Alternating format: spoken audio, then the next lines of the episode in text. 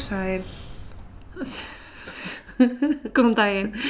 góðan daginn og verið velkomin í mórskurinn. Ég heiti Þórdís Ég heiti Jóhanna. og í dag ætla ég að segja ykkur frá máli. Mm.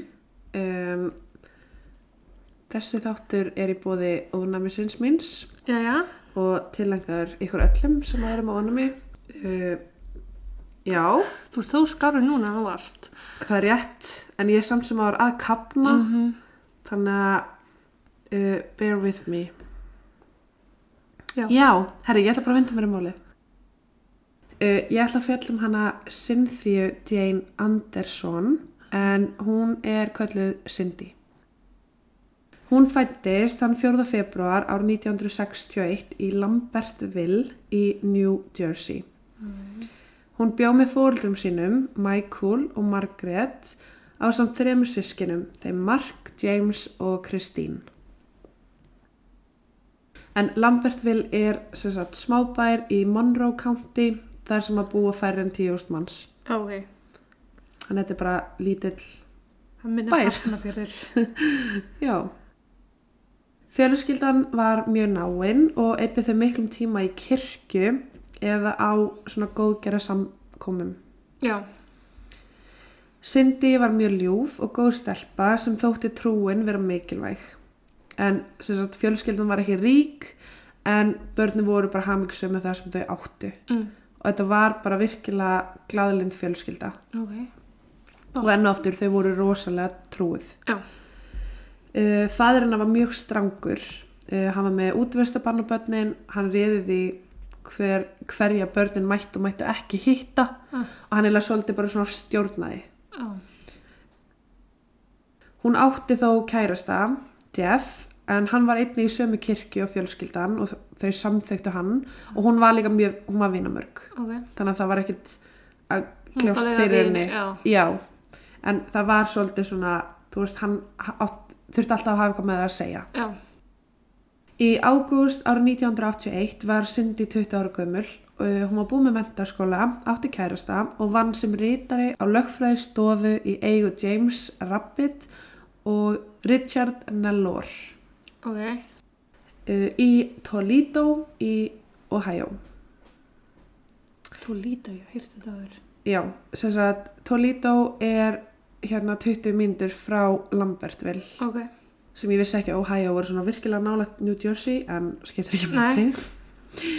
En stofan var partur af Manhattan Plaza Strip verslunarmiðstöðinni og bara gekk henni vel í vinnunni og hann list vel á. Hún hafði hins vegar önnu plön en hún hafði ætlað sér að fara í biblíu skóla með kæristanum sínum.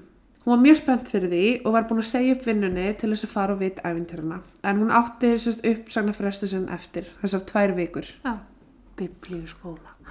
Já, Hvað gerir maður í biblíuskóla? ekki hugmynd. Nei. Ég get ekki einu svona ímynda mér það. Ekki heldur.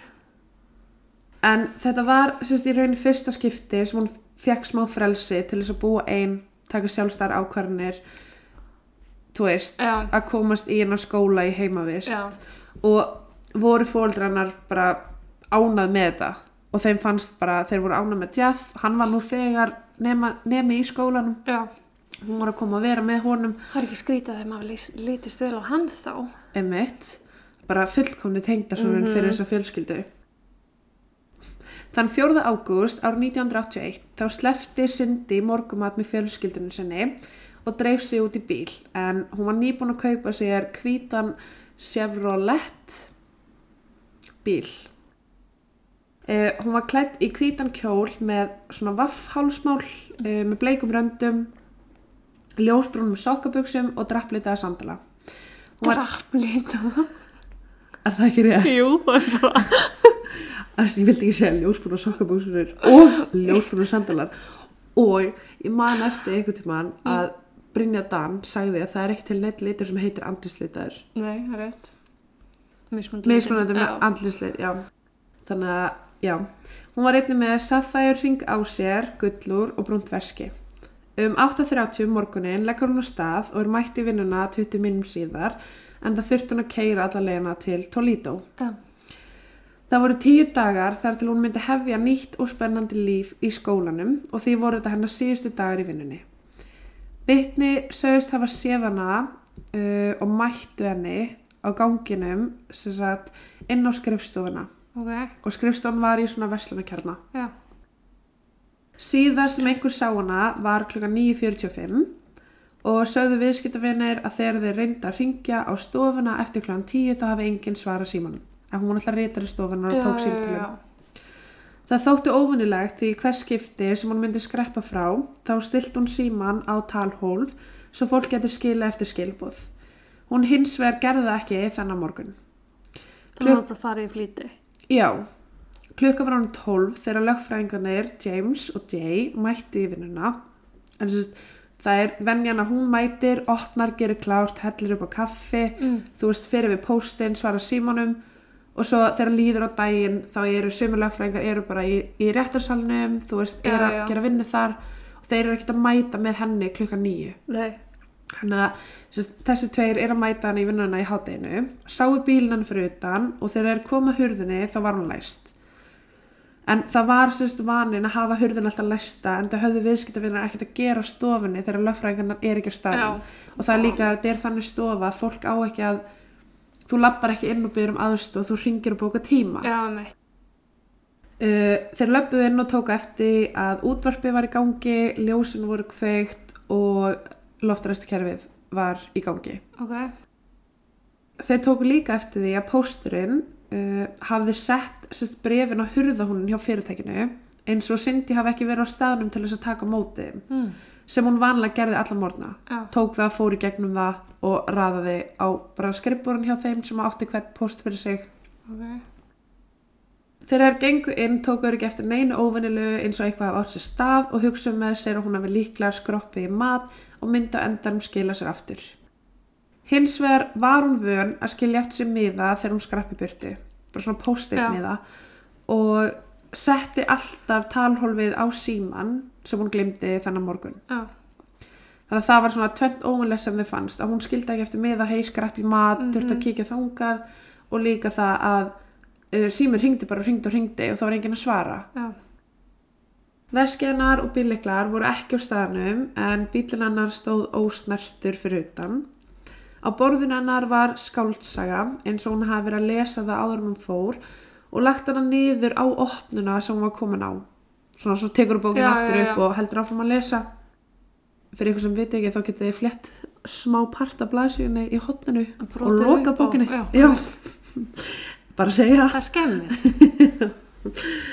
allavega en sem sagt, á blaðsíðunni sem hún var á, já, sem hún var komin að sem, sem að lá niðri uh, þar var verið að tala um að söguhetjan þar í þessari bók hafi verið rænt eftir einhverju menn réðust inn með hníf og hótuðu henni lífláti ef hún kæmi ekki með þeim burt Óhugnalegt. mjög spes uh, örgulega mjög skemmtileg bók en ég veit ekki hvað hún heitir Mm. en einmitt þarna er eitthvað svona hverju líka þar út komin á þessa Já.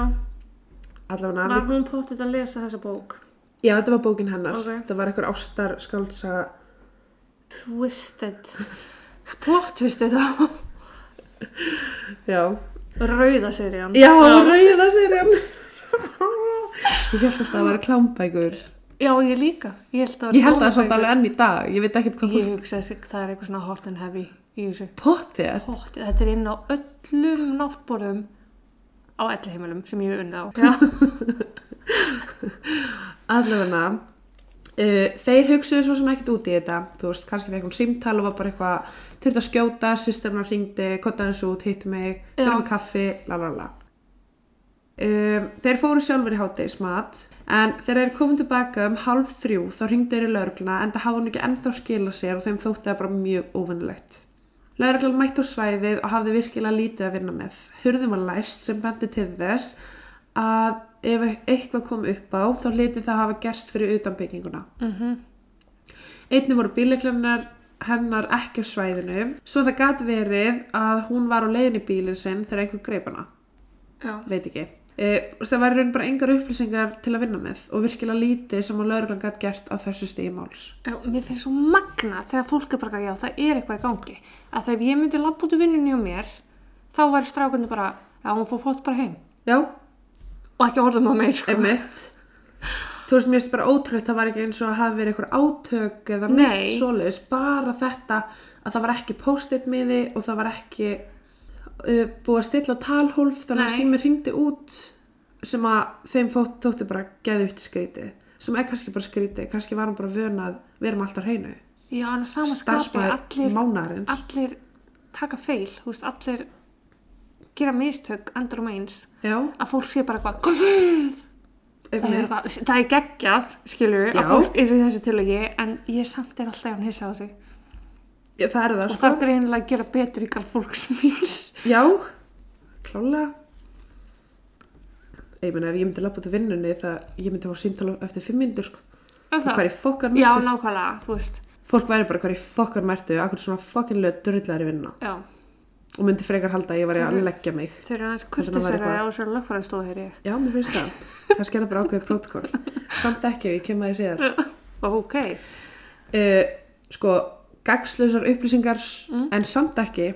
Alltaf til í þær. uh, mjög skrítin tilviljun en sem sagt sama morgun og Cindy hvarf þá var Jay sagt annar þessara lögfræðinga sem að koma í vinnuna þennan dag að verja mál fyrir föðurinnar og bróður en það var ekkert sem að tengdist einhverju sagnam hætti Já. þetta var bara eitthvað svona civil dæmi Ok. sem að þeir voru að kæra fyrir skiptir svo sem ekki miklu máli nema það að það er náttúrulega þá hugsa við, ok, fjárvistasörnin fyrir pappinar, fyrir bróðurnar og fyrir Já. Jay og það, í raun það var aldrei tala um það það var alltaf tala um þessar upplýsingar bara skipti ekki máli en vildi varpa þeim fram og ég bara, ok, en hefur fólk ekki spáði að þetta er fjárvistasörnin Já. þú varst einhver staðar á þessum degi, Já. pappina, bróðurnar og Jay Mm þannig að í rauninni getum við tekið þau út Já. úr myndinni og það er líka að tala um sko að sagt, í viðtali við Unsolved Mysteries Já. sem að sjómarsættuna sem kom út þá talaði Michael um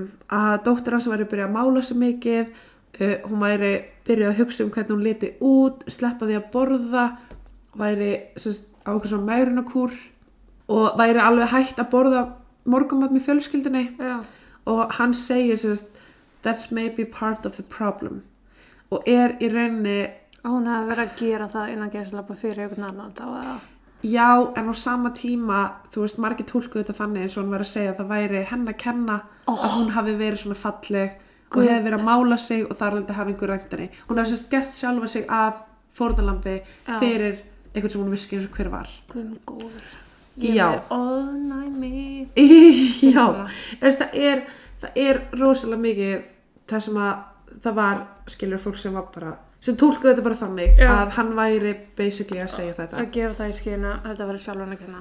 já, hún hefði ekki að það mála sig Sérst bara í kjölfara þessum ummælum í Unsolved Mysteries þá fór fólk að hugsa bara eitthvað hei ok, getur verið að hann hafi gert þetta Ó, er hann, já, er hann kannski ekki sáttur með hvernig dótt sin er að haga sér, hún á að vera kristintrúið hún á að vera svona og Já.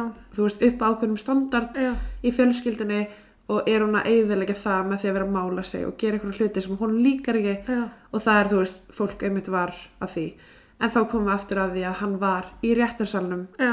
Hann er með Gullna þannig séð- já, fjarvistarsönnun. fjarvistarsönnun Uh, Það var engin vitni og það var ekkert sem benti til þess átöku átt sér stað. Lauruglan skoðaði þann möguleika hvort hún hafi einfaldlega vilja stinga af sjálf, hefja nýtt líf einhver staðar án þess að fóreldrar hennar væri að skipta sér af því hvað hún gerði. Mm. Hvort henni langaði ekkert að vera með Jeff og fara hann á biblíuskóla og vissi ekki hvernig hún ætti öðruvísi að koma sér frá aðstæðum heldur hún að stinga af. Já. Uh, Það var fljótt útilokað. eins og alltaf. Já, en þú veist, vinir hennar og fjölskylda, fólk sem stekkir hennar mest, sagði bara að hennar hafi hlakkað mikið til að fara í hennar skóla. Það var enginn að pínan í hennar skóla, fóldrarna voru ekki pínan í hennar skóla. Nei, Henni langaði að fara sjálfri akkurat. og þú veist, ekkert vesen milli hennar og kærastans. Nei.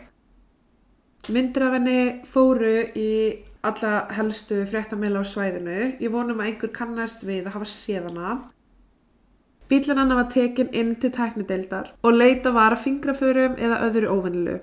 Einnig var skoða vettvangin í kringum bílinn en bara ekkert fannst. Þeir svolítið bara mættu vekk. Já, Þú veist, það var bara, það var ekkert næ, sem eru gátu unni með og ekki einu svona smá til að gera ímyndarafl um hvað geti mjög Nei. hafa gerst. Þeir mættu einnig heim til þess að aðtöga hvort það vantaði eitthvað sem hún hefði mögulega þá tekið með sér já, uh, þú veist eins og ferðartösku eða eitthvað sem að geti ítt undir sérst, kenningar lauruglunar um hvað það gerst.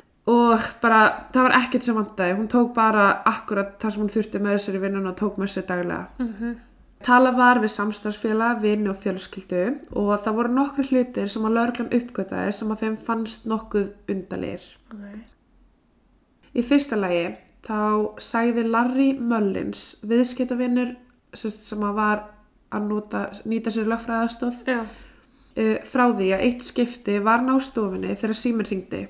Cindy svaraði símanum og var mjög skrítin á svipin og endanum skellt hún á á þess að segja eitthvað. Þegar Larry spurði hana hvort það væri allt í lagi þá eiginlega sópa hann þessu brundi teppið Mm. og sagði bara já fínt, ekki af áhugjur uh, en hann man eftir óttanum sem að myndaðist í andlutun hennar ok, og hann hugsaði með sér ok, þetta símtal var ætla henni já, og þetta símtal var eitthvað allt annað en það á að vera. já, já, Í kjölfarið þá hafa hann mjög mjög áhugjur og ringdi í lauruglunni í Toledo, ok, tilkynntiði með þetta. Og þeir sögðust ætla að keira fram hjá fyrirtekinu þann daginn og aðtöga hvort það væri ekki allt í góðu. Sem þeir gerðu, Samvisku samur, Já, borgarinn mjög. en þetta var eina skipti sem að Larry varð vitni af þessu. En hún hafði verið búin að fá svona símtöl í alveg meira en ár Já, fyrir þetta. Það var einhver manneskja sem var að ringja reglulega í hana og segja og bara hluti sem að þú veist hann langa ekki til að heyra. næ, Það var einnig að reglulega kom hún ein á mótnana, opnaði stofuna, gerði allt klárt, svaraði símtölum, gekk frá póstunum, bla bla bla, allt sem ég er búin að segja. Mm. þar sem hún var hrætt út af þessum símtölum sem, hún hafði verið að fá, en þetta voru sérst bara svona ógnandi símtöl þar sem að var verið, þú veist, bæði að kvísla í síman og eitthvað svona dæmi. úi, Og þetta var, þú veist, já, þetta var bara svona óhugnaleg símtöl og það var líka einhvers þar lasi að það, þú veist, væri verið að hóta því að, þú veist, þú mynd deyja og eitthvað svona dari, dari, da. Ok, ég er með fóbíu fyrir heimasímum. Já, bara ekki, ekki hringi mig. Já, Ég keipti mér sko einhvern tímann heimilispakkan hjá símanum. ég veit það, skan þú hringdir í alla símat og nýja Já, ert að símanúmerinu grínast? Það er bara að vera með heimasíma er svo ógæðslega skrítið en á saman tíma var ég bara eitthvað, ok, ég nota þetta aldrei. Mm -mm. og málið er að, þú veist, ég er náttúrulega bara með minn síma sem að allir ringi Mm og svo man ég eftir að það var einhver, þú veist, þrjú skipti sem að heimasíminn ringdi, ég er bara búin að stengla með hann væri til, þú veist, hann var einhvers þar í hann skúffu? Mm. um, já, sérst, út af þessu símtælum þá var hún hrætt og hún var hrætt um að þeir myndu sá þau þeir sá sem að var á baku símtælinu myndi einn daginn mæta í vinnunarnar og finna hana. Uh, þannig að hún bað um neyðarnapp sem var settur undir skrifborðið hennar. Já, sniðut. Svoleiðis ætti bara að vera standart. allstaðar, Já, þú veist ekki bara böngum, bara allstaðar uh, ef ítt var á hnappin þá sendi hann tilkynningu í fyrirtæki við hliðin á. Mm. og einhver gætt komið og aðtuga með hana. Ok, virkilega spes að hafa tengd hann sérst, ekki tengd hann í- beint í laurugluna en ég held að hafa verið hugsað að manneskjan í fyrirtækinu við hliðin á er fljótar á staðan heldur en lauruglan já, en svo spurning, myndi einhver hlaupa yfir ef að neyðarnappurinn fari í gang? einmitt, ég var að hugsa þetta ef að það væri neyðarknappur í vinnunni hjá mér með fyrirtækinu við hliðin á og það myndi fara í gang þú veist, ég væri bara uh, þú veist, hvað er í gangi núna Sigga, skilur og við værum öll bara eitthvað, pant ekki pant ekki fara, Ég væri bara, fokk, nei, hún er að íta neyðarnappurinn, ég ætla ekki að hlaupa inn í þessu aðstæðu. einmitt allavega, já. Ekki securitas þarna. nei, líka bara þú veist, hver er á vakt? Þetta er mjög mikil ábyrð Mm -hmm. en hún fekk hann neyðarknapp í gegn. Já, og uh, hann, þú veist, hvað sem hann var þá veitt hann hann öryggi í vinnunni. En hann var sérst ekki notaður þennan morgun sem hún hvarf. Ok, uh, í þriðja lagi þá voru það draumar sem að henni hefði dreymt í gott betur en ár ok, henni dreymdi reglulega um að vera rænt af einhverjum sem hún þekkir en gati ekki sagt til um það hver það var nákvæmlega þú veist, þú fær draum um einhver sem hún þekkir í draumnum en þú veist ekki alveg hver það er en þú Já, veist þú átt að þekkja já. manneskina Í eitt skipti var það svo að systirinnar hleyfti einhverjum aðalega inn sem endaði að ræna henni. Sérst, þá var þetta orðið það raunverulegt að allt í hennu var bara eitthvað sem bankaði hurðina og systirinnar hleyfti henni inn, sérst þetta er draumurinn hennar. Já, ok, wow.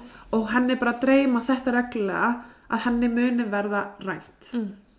Og hún var bara virkilega hrættu með það, svo náttúrulega símtölin, uh, bókin Mhm. sem var akkurat á blæsið þar sem að sögu heitinu Já. var rænt en þú veist, við að þetta draumur og allt það en þegar þið dreymir eitthvað svona oft þá byrjar þú veist, það byrjar að vera svona smá raunverulegt Það er og þú vaknar sálfræðilegt. já og þú áttar eitthvað ekki á því þú veist, var það draumur, var með að dreyma? Veist, ég var alveg oft munað eitthvað svo er bara eitthvað, gerist þetta í alvörinu eða ekki? Já. svo bara, nei, veist, þetta var draumur Já, skilur, veist, ég get eitt flóið eða þú veist, maður er bara svona, ha?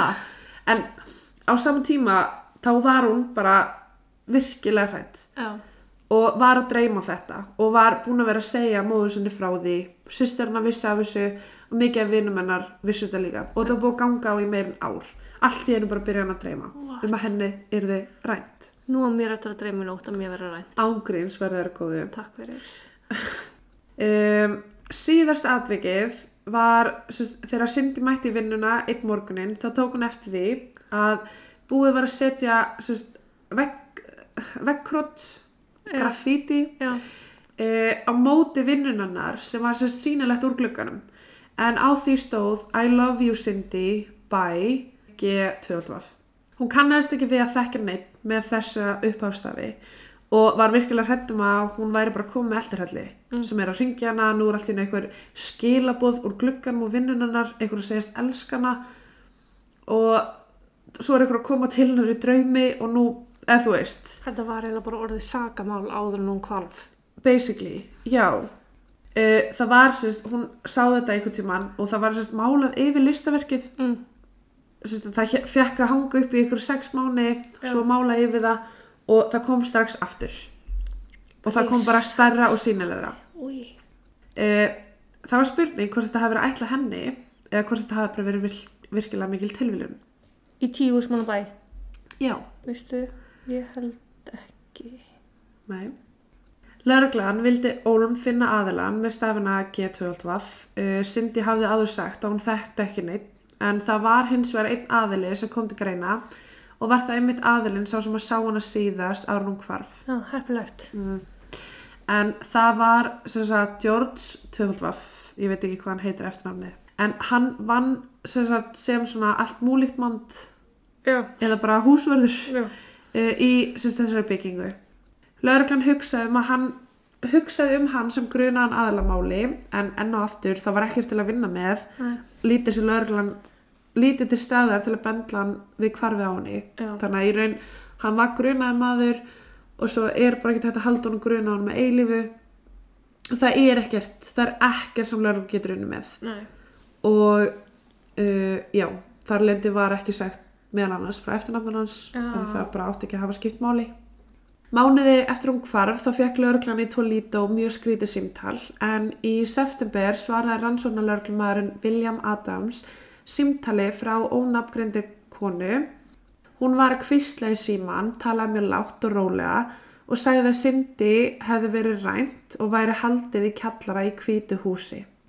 Hún sagði frá hverfi í Toledo og það voru hvít hús þar en hún sagði ekki sérstaklega hvaða hús umræðir og þegar hann hana sérst um betri upplýsingar þá skellt hún á.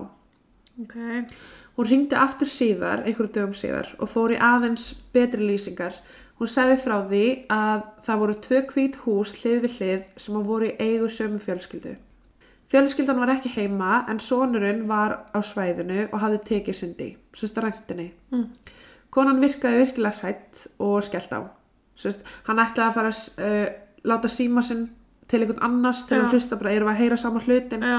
og hún heyrir eitthvað svona kruðl og hún bara skellir á og er auðljóslega skítrætt. Já. Konan ringdi aldrei aftur í lauruglun eftir þetta þannig að þetta var í raun eina sem hún sagði. Hún sagði hverfi, hún sagði tvö hús hlið við hlið sem var í eigu sömu fjölskyldu. Já. E, það var lítið sem lauruglan gætt gert. Þeir voru ekki vissir hvort þetta var eitthvað djók og auðvitað höfður hvorki heimild niður mannafl í að leita í hverju einasta hvíta húsi í þessu hverfi. Nei.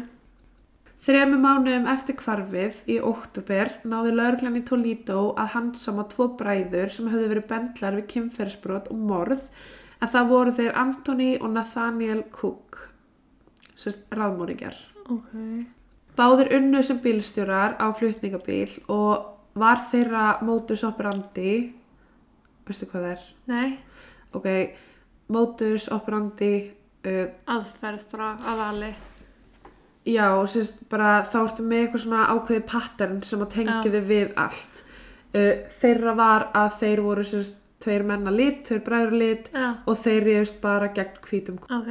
Og það var bara eitthvað þeirra að, bara þeir hötuðu hvíta konur eða eitthvað slíkt. Já. og það er sérst bara þeirra mótu operandi það er ekki eins og sérst, ekki beint mótif skilur en það er eitthvað sem þú getur tengt við alla. Toolbox killer, Já, ég Þú er að tennur öllum eða eitthvað, skilurðu. hans bara svona einkenni. Þú já, í rauninni. þetta er bara einkenni. Uh, og það var sérst bara þetta voru allt, allt hvítar konur. Uh, fórnalömbu þeirra voru nýju talsins uh, frá 12 ára til 24 ára Og ég bara stað. Já, þau voru drepin með mismunandi aðferðum, sumar voru skotna til bana, aðrar barðar með hafnubólta kilfu og allavega ein lamin með múrstein. Eh, Það tók samt alltaf 20 árum að auðkenna konunnar og tengja þau öll við bræðina. Það voru einhver sem fundust hér og þar og þeir voru kærðir þannig að þremur mánuðum Já. eftir hvort það hefur ein kona eða tvær en svo hægt er ólega gegnum tíðina var hægt að tengja fleiri og fleiri þegar sérst, bara með tilkomu DNA og, og hvernig teknin þróaðist. Þannig að í endanum voru þau orðin nýju talsins Ok. fórtalömpin þeirra. Þeir voru yfirherðir og spurðir úti hvort þeir könnust við syndi en þeir neituðu öllu. En líka á saman tíma það er verið að spyrja út í einhverju konu þú er ekki svona hugmynd um hvernig konuna líta út sem þú drafst Nei, þú veist ekki eins og hvað er heita því þeir eru svo skýtsama Já, þannig að þarna er verið að spyrja um einhverju konu og þeir eru bara eitthvað "Pff, nei, já, en maður veit ekki. Uh, þeir voru sérst einnig ásamt þessum George vera, taldi vera grunar aðalar í málinu í einhver tíma. Já, þess að voru bara ratar hjá lögreglu. En það sem að lögreglan var ekki alveg viss með var svo staðreind að öll fórnulömpin þeirra uh, fundust á víðavangi og það var ekki svo þeir hafa aukvönd hátt reynd að fela þær eftir að voru drefnar veist, það var bara, hún er dáin hún er bara hérna á vegkantinum og þessir Já. hér, þú veist það var ekki búið að reyna að fela neitt Nei, Þannig að þeir fannst mjög skrítið að ef að Cindy var eitt af fórnalambunum, af hverju finnst hún ekki? akkurat. En svo var líka alveg tala um, þú veist, og kannski þeir bara í fréttunum að lögreglan væri að finna líkin og þeir hugsaðu bara, shit, herri, nú þurfum við að fara að fylgta betur eða Já, gera eitthvað. Þú veist, maður veit ekki, en á sama tíma var smá svona, uh, tæft. og líka bara, þú veist, þetta er eitthvað stórstjörnur fyrir sjálfu sér. Af hverju myndir ekki bara viðkynna eitt í viðbútt? Já, nákvæmlega. Þú veist, geggja að hafa töluna tíu frekar en níu. Mm Í þeirra augum. í þeirra augum klálega. Árið 1983 lest svo móðurna Cindy og var það enn eitt áfalli fyrir fjölskylduna en það átti ekki eftir að koma neinar upplýsingar í málun hennar uh, næstu 12 árin. Vá. En sérst árið 1995 voru nokkri aðilar handteknir og yfirherðir í tengslum við innflutning og framleiðslu á fíknefnum. Ok. Það sem að greip augur rannsóna lörglunar var nafnið á einum þeirra en það var Richard Nellor, eitt þeirra lögfræðinga sem vann á stofunni sem hún hvarf frá og átti. Hann var handtekinn fyrir að vera í slagtói með Jóse Rodríguez en Jóse var bara kongur kongana þegar að koma að innflutningi og framleyslu á fíknöfnum og sérst bara fíknöfna starfsemi í. Já. Uh, Richard var meðal annars ákjærður fyrir að hindra framgangur réttvísunar og að vera samsegur um að framlega fíknefni og koma þeim í sölu. Mm. Sérst, hann var bara að framlega með þessum uh, kongi Já. og sá um þetta, hann alltaf þekki lögin, hann veit nákvæmlega hvað hann er að gera. Já. Uh, hans vörd var svo að lögreglan væri að reyna að koma höggja á hann og vildi sanna að hann væri saklus í þessu máli en þú veist það var bara, Lá allt fyrir. það lág allt fyrir. Lögreglan vildi þar með meina að það væri meira bakvið þetta heldur um bara þetta og að hann og Jóse væri viðrið, viðriðnir hvarfið á syndi. Ok. Í ofinberi skýslu, eða sérst, ofinberi og ekki ofinberi, hún er ofinberi í réttarhöldunum, hún er ekki ofinberi fyrir almenning þannig. Nei. En sérst, í þeirri frá lögreglunni í réttarsalnum, sérst þeirra var að vera rétt yfir Richard, uh, þá segir lögreglan, þann 4. ágúst árið 1981 rændu og myrtu Jóse og Richard og aðrir vitorsmenn. uh, hana Cyn- Cynthia Jane Anderson uh, Cynthia átti að hafa heyrt símtala milli þeirra tveggja um þetta frábæra starf sem þeir unnu í þá samfélagsins Mm. utan vinnutíma, Já. sérst fíknefnin Mhm. og þeir áttu einnig að hafa verið að ræða sérst vopnu rán og hvernig þeir að stækka verkmjöna sína og hún átti sérst að hafa heyrt, eða sérst yfirheyrt þetta samtal milli þeirra Já. og þeir hugsa bara shit, þetta er einhver svo kirkjupía sem Já. er að vinna hérna við verðum að losa okkur við hana Já. af því annars mun hún kæfta frá okkur og við erum öll að tapa uh, og þar lendi vildi lögregla meina og reyndi að fá það í gegn þarna í sérst réttarsalum yfir Richard að bara hann hlýti að hafa eitthvað að gera með Bara þegar maður með mótif. Já, það var hann, já, Já. veist, hann var með af öllum þeim sem að gæti mögulega haft ástæðu það var hann með mestu ástæðuna Mhm. hann vann þarna og það er bara að tala um það er mjög líklegt að hún hafi heyrt eitthvað sem hún átti ekki að heyra eða vissi af einhverju í þeirra voru þó ákjörði fyrir mannrán eða manndráp uh, og það er náttúrulega voru enginn sönnugögn, það er ekkert. Richard fekk uh, 70 mánu í fangilsi fyrir fíknefnakæruna og eftir hann losnaði fangilsi reyndi hann að taka lögfræðaprófið sitt aftur en fekk bara höfnun. en það er það bara skýrt ekki fram í lögum að maður þarf að hafa hreina sakaskrá til að til stríkra atvinnu. Já. Einn maður stegi fram sem var sérst, í fangelsi með Richard á saman tíma hann var þar inni og sagði frá því að hann hafi heyrt hann ræða sérst, um Cindy að hún hafi verið skotin til bana og drepin út af því að henni yfirheyrðist upplýsingar sem hann átti ekki að heyra. Já. En þó verðt að taka fram að þessi aðili vildi reyna að koma sér í mjúkin hjá lauruglunni og minka við sérst, núverandi dóm sem hann var að afplana. Mm. Hann fór samt sem áður fyrir rétt sem vitni og vitnaði gegn Richard um að hafa heyrt þetta. Já. Uh, hann síðan meir enda á því að brjótast úr fangelsinu og framti enn meiri rán og annars slíkt sem hann upplega satt inni fyrir. Svo, þú veist, ef þetta var tilrönd fyrir hann til að losta fyrr, Já. þá bara fór það í vaskinn af því að hann er mitt. Uh, en hann sagði sérst frá því að Cindy var í grafin í eða nálagt Perrysburg vatninu en eftir viðmikla leit kom ekki til ljós. Þetta var sérst 17 mílur frá því þar sem hún sá síðast. Talið var að það hafi verið önnu lík á svæðinu en það er ekkert sem segir til um að hvort eitthvað hafi fundist þar eða ekki. Já, ok. Fadir hennar, Michael, var handviss um að hún hafi ekki vitað um þessa fíknefna starfsemi og henni hafi ekki yfirheyrst neitt af því þá hefði hún 100% sagt honum eða vinum eða lauruglunni frá því. Heldur það? Hann segi það. Sest, hann er að segja bara ef dóttir mín vissi eitthvað svona þá fær hún til lauruglunar. En á sama En tíma... ég var líka bara ok, kannski heyrði hún eitthvað að daginn sem hún hvarf Já, það er rétt. eða kannski eru símtölin frá Jósi Já. að hótinni lífláti ef hún kjaftar Mhm. eitthvað skilur, þú veist, maður veit ekki hvað gekk á þannig að og hún var skítrætt nú þegar, þetta var ekki að fara að bæta Nei. sigri og hún á veist, þetta var bara þetta var bara svo það líka þú getur bara stjórna fólki svo óbúslega mikið með bara hræðslu. já, mjög mikið veist, hún bara um neyðarnapp Já. Ég held að ég myndi ekki Þú, það Sama er hversu hrædd ég væri. Já. þú veist, ég myndi aldrei þóra að fara til yfirmanns míns og byggja um neyðarnapp að því mér er að dreyma eitthvað Nei, ég myndi aldrei þóra því, sko nei. Hún hefur klálega haft einhver undirleikit ástæði fyrir því að, já. Já. en það eru sérst komið 40 ár síðan hún hvarf og þetta er elsta málið um mannskvarf í Toledo Mm. Michael Anderson gafst aldrei upp á að finna dóttsuna hann leita út um allt, reyði einhverspæra og bara gerði allt sem hann mögulega gatt Já. hann lést þó árið 2008 78 ára gammal og fekk aldrei að vita sannleikan Æ, okkur geta það ekki fengið að vita hvað kom fyrir börni þeirra. Já, og sko það er líka að tala um að sérst, fólk er enni, enni dag bara eitthvað, já hann hann lítur að hafa gert það, hann lítur að hafa átt eitthvað með að gera út af þessu kommentans Já.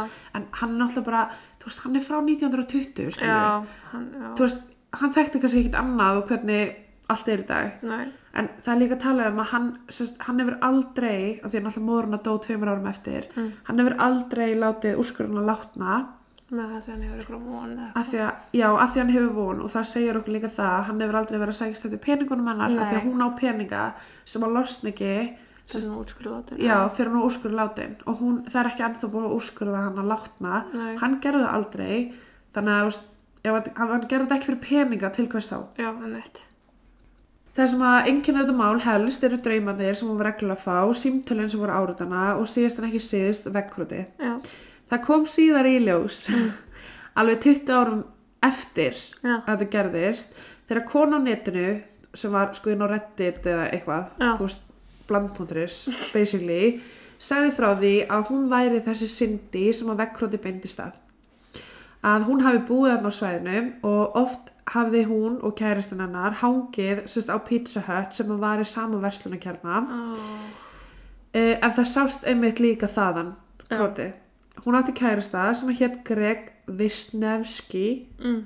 Wisniewski og skrifaði þetta til hennar út um allt og sérst, ef lauruglan hefði skoðað skúmaskotið þannig á bakvið Já. hefði séð fleiri vekkrót frá honum ok þetta var sérst ekki bara eitt, hann gerði þetta út um allt þetta pyrra hana svo mikið að hún sendi Unsolved Mysteries e-mail um þetta 20 árum síðar, takk fyrir pent Já. og sagði að það væri verið að tala um hana hún sagði frá því að, hún, að hann sérst, kæristan hennar hafi látist í mótuhjólusleysi árið 1983 sérst, tveimur árum Já. eftir þegar hann var 20 ára og hún 18 ára gömul uh, hún var sérst í hernum og vissi eiginlega ekkert af þessu hvað væri í gangi á þeim Já, tíma ok.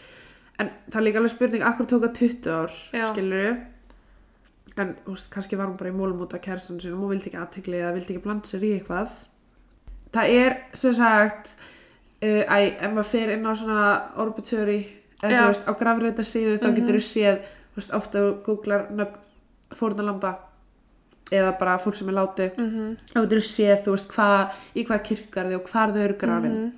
og það er sérst eitt sem heitir Greg Wisniewski Mm. inn á svo grafreita síðu á netinu og það var bætt við mynd sérst þú getur bætt við myndum hann undir og já. og eitthvað sendt veist internetblóm og eitthvað og það er sérst mynd þar af slíku veggjakróti sem er ok. sérst í minningu hans um, þannig að það getur alveg verið að þetta sé satt sem að þessi kona er að segja Já. þannig að ef við tökum þá bara graffítið út þá er allt hitt Samt símtölin, já, mögulegar upplýsingar. nefnilega draumarnir. Ég líka bara, þú veist, hvernig hverfur hún úr vinnunni bara einn daginn upp úr þurru sporlaust Eins og hann hafa bara lappað út. já ég mynd, þú veist, ég ótt spáði því bara eitthvað myndaleg kerfi en það var kannski ekki á þessum tíma Mm. GPS í síma Nei. En já, það eru sem sagt nokkru kenningar sem ég ætla bara rétt að renna í gegnum af því ég er svona nokkuð veginn búin að tala um þar. Þess að ég er alltaf spennt fyrir kenningunum.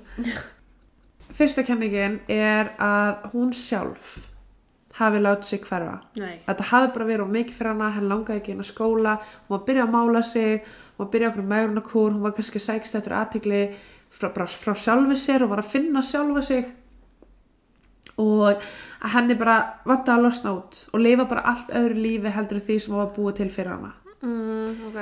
Það, þú veist, það er samt ekkert sem að er til staðar í því að hún hafi gert það. Það er ekkert áfall eða ekki neitt sem að var eitthvað hræðilegt Sko, mér finnst bara, af hverju er það grunnsalegt að, að, að einhver byrja að mála sig eða fara að huga að, þú veist, þingdinu sinni eða útlitinu. Þetta er eitthvað sem við gerum öll á einhverjum tímapunkti, sko. -hmm. en það er líka sko að hún er hana á leiðinni í skóla með kæristanum sinum Mm. uh, það er til dæmis eins og mál hvort að hún heitir Matti ég nokkuð sem hún heitir Matti Mm. ef ekki að leiðri þetta en sérst, eins og með hana hún hérna uh, sagði við mömmu, mömmu sinna hún var að leiðinni í ljós kerði sérst á kirkjubílastæði skildi bílinn sinna eftir og hvarf. Já, og svo bara nokkru viku síðar þá hún átti kærasta sem bjó heima hjá henni Mm. og nokkru vikum það var bara ekkert það var bara ekkert hægt að finna um hana það var bara eins og einhver hafi ræntinni Já. á þessu kirkjubílaplani. Stoppa hana, byrða hann um að stoppa og svona hei, skrúa niður rúðuna svo kom bara ljós að hún var búin að kynnast einhverjum öðrum gæja já, og fór til hans og sagði bara, ég, veist, ég þurfti bara að losna frá kæristanum mínum, frá lífinu. Og bókstilega það var ekkert að í lífinu hennar. Nei. og hún bara eitthvað, herrið mamma, ég er á leiðinu í ljós en var bara búin að plana þetta. Og svo ekki fannst hún gera með- fólkinu ykkur þetta. nákvæmlega, svo fannst hún með þessum gæja eitthvað staðar út í raskati skilur allt í hún einn daginn ringjur hún lögreglu og segir bara, herrið það er leið með mig. Hætti að leita, það er búið að leita hann gett lengi allir brjálæðir og svo by the way, plot twist en hún endur á því að yfirgefa þannan netvinn sinn Mm. til að koma aftur heim til fjölskyldunar Það gott. þannig að þetta var alls ekki þess virði og Nei. kostaði ógæslega mikla peninga Já. og þú grættir ekkert á þessu Og er ekki, það hljóta að þurfa að vera einhverja afleiðinga þegar maður gerir þetta. það hlýtur að Þegar vera maður vís viljandi, lætur sér hverfa, Mhm. lætur leita að sér. Þú gerir þig grein fyrir afleiðingunum, já, þannig að Já. En það er mitt, þú veist, eins og til dæmis þegar það var spurt hann úti til hvers Mm. þá sagði hún bara að hérna, sérst, kæristan hennar hún var 16 ára Já. eða 17 ára, kæristan hennar bjó heima hjá henni og hún sagði bara, þú veist, það er á mikið fyrir Bara mig einhverju íþingjandi að, aðstæður en íþengjandi aðstæður sem að henni fannst hún ekki geta komið sér úr en Já, þannig að, veist, það er líka alveg sem ég tengi við þetta mál bara eitthvað, ok, kannski er það ógst öll fyrir hann kannski kynntust hann einhverjum gæja þú veist, í fucking Alaska. Mhm. Og bara adiós. Ó, Mér finnst það samt svo hæpið með tilkomi samfélagsmiðla og allt þetta. Já, að í dag sért ekki bara eitthvað Já, heyrðu. Ok. Já, líka bara, þú veist, þarna er líka að tala um að, sem sagt, mammina deyr tveimur árum eftir. Já, Væri hún ekki búin að hafa samband Það þegar hún að fréttir af því að móðurinn er látin? Væri hún ekki búin að hafa samband og segja bara, veistu að pappi, það er í góðu með mig, samhryggist með mömmu og bara, bless. Eða skilur Það er líka sem að tala svolítið gegn þessari kenningu, einmitt Já. það að móðurinn er dó svona stuttu eftir á. Næsta kenningin er sem sagt að henni hafi verið rænt af aðila sem við vitum ekki hver er Sest, sem við erum ekki búin að ræða hér í gegnum já, málið uh, að símtali hafi þá verið frá einhverjum sem að bara engi veit hver er. Mm. þú veist, kannski var hún með eldhrelli sem var að fylgjast með henni. Já. þrátt fyrir að veggja hvort hafi ekki verið beint til hennar þá voru það samt símtölin mhm, og draumarnir. Já.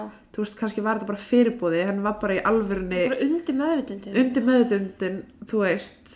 Já, bara smeykur um að eitthvað gerist. Uh, í rauninni, þú veist, það er ekki hægt að útiloka það, en það er heldur ekki hægt að staðfesta, bara eins og um allt annað. Já, en á sama tíma, þetta er að gerast sko að degi til, í hádeginu. Já, þú veist, á vinnudegi þar sem að fólk er að röld um og fara í hádegismat, það er mikið um að vera þetta verslunarkjarni, Mhm. það er fyllt af fólki hérna, það er mjög skrítið að einhverju geti verið rænt á þess að öskra og bara, þú veist, ef þú ert að labba á einhverju kringlunni tekur þig, Já. það er alltaf einhver sem hlýtur að sjá það. Bara getur ekki hann að verið, sko. Þannig að það er líka að tala um, skilju, bara ef henni var rænt hvernig fór manneskjan að því? Með því að þekkja hana. Já, það einmitt líka sem sagt að hurðarnar voru læstar Mm. og til þess að einhver komist inn um hurðina fyrir utan lögfræðingana Mm. þá þarf hún að opna. Já, og hún skítrætt hún opnar ekki fyrir hverju sem er. Nei, hún opnar ekki fyrir viðskiptavinnum á þessum tíma. Nei, ef viðskiptavinnur koma á þessum tíma þá segir hún bara já þú átt ekki að bóka tíma þú kemur sér hún var það ströng Já. með þetta. Það var einmitt hugsað um hvort einhver hafi farið bara og bankað á hurðina og hún hafi þú veist opnað og bara getið aðstofað og hún hafi greipað hann í burtu. En á saman tíma akkur þá veski og síminn hennar? Ef hún var tekin bara svona Já. út um hurðina akkur þá með veski og símann Já. sinn á sér? Já, veski og bílikla og e, svo er einmitt hugsað um að þetta hliti þá að vera einhver sem hún þekkti Mhm. ekki einhver sem hún þekkir ekki Já, sem hún hefur augljóslega hleyft inn í húsið. Mhm, en enn og aftur þá er ekki talið fram eða sérst haldið fram að henni hafi verið rænt þarna inni á skrifstofunni. Nei, ok. Já, þannig í bílunum og eitthvað, já. Heldur þegar hún var þá að labba ykkur Já, en þá komum við aftur að því af hverju labba hún út á þess að setja ef hún var að fara ykkur af hverju sett hún ekki á talhólf og setti post-it með það? Já það er að tala í ringi með þetta svo mikið. Það hefði líka verið vantarlega inn í bílunum hefði hún glimt ykkur inn í bíl og ætlaði að hlaupa til því. Já, Þú veist, þá hefði það verið eftir. Að- þú veist, þá hefði þér fundið eitthvað bara býta, já, þetta er ekki eitthvað sem hún hefði tekið með sér. Þannig að þetta er bæðið að tala með og gegn því að hann hafi verið rænt. Þú veist, það er hurðin sem er lokuð og svo þetta. Veit ekki, veit ekki, en svo var náttúrulega máli með þannig að allt múlíkt mannin. Um, það var að tala um hann náttúrulega með likla öllu, já, skilur, og hann kemst allt og eitthvað svona. En hann, sérst, það er ekkert að vita mikið um hann, hann dó nokkrum árum síðar. Uh, hann hefur náttúrulega séð hana sumkvöld já og en á sama tíma eins og þú segir, það er ekkert sem að hægt er að afsanna það sama Nei, það er það gat- pyrrandan skemmtilega við þessi mál, sko. Ég veist, hann náttúrulega með likla hann getur vel hafa farið inn, brugðið henni Já. barið hana, dreigið hana út henni þú veist, kompuna sína sem Já, er já. eitthvað starfn í húsinu. Þú, þú veist, maður veit ekki, en það var bara einhvern veginn ekkert hægt að segja til um það. Nei, svo náttúrulega þriðja, þá er það hana Cook Brothers mhm, hana raðmóringarnir, bræðirnir uh, og eins og ég sagði bara á hann getur verið að þeir hafi séð fréttunum bara, herru lörglunar, hér að finna lík hér og hér og hér, við verðum að fara að passa okkur. Já, þú veist, verðum að gera öðruvísi með þetta eða eitthvað. En á sama tíma er eitthvað svona "Æ, ef þið var skýt saman fyrstu nýju já. af hverju er þá ekki skýt saman tíunda Og líka ef þú er komið nýju lífstíðadóma, þá hverju skiptir svo tíundi? ég er að segja það, hverju skiptir svo tíundi? Myndir þú ekki líka bara segja það? Jú, það var ein hann að dökkar kona sem að, þú veist, Akkurat. það var sem sagt, tala um að þeir voru sagt, bílstjórar á vörubíl, þeir voru að keira á milli ríkja Já.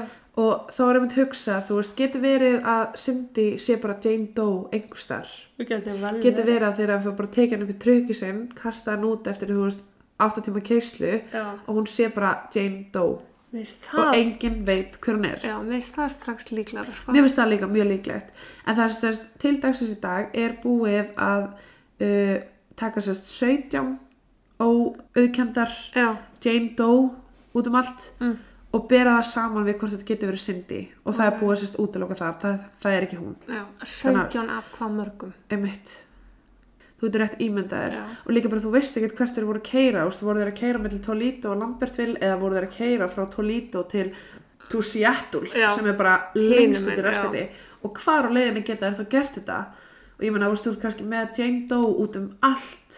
Og þú, þú ert ekkert endalaust að bera allar Jane Doe við hana. Nei. af því þú ert með fullt öðrum málum og líka bara málum, þú veist, sem að tengja spæjunum miklu nær heldur en þetta. Já, það er svona einu rökin sem ég er svona oh, ok, getur verið að þau bara dempa henni í vörubílinn og svo þú veist, einhver starf á leiðinni bara pff, út með þig. Skilur Þó það hefði ekki verið þeir, þó það væri einhver annar sem hefði gert það. Að því að sko, bílið á milli vestustrandarinnar og austustrandarinnar er bara, þú veist, sjö tíma fluga eitthvað.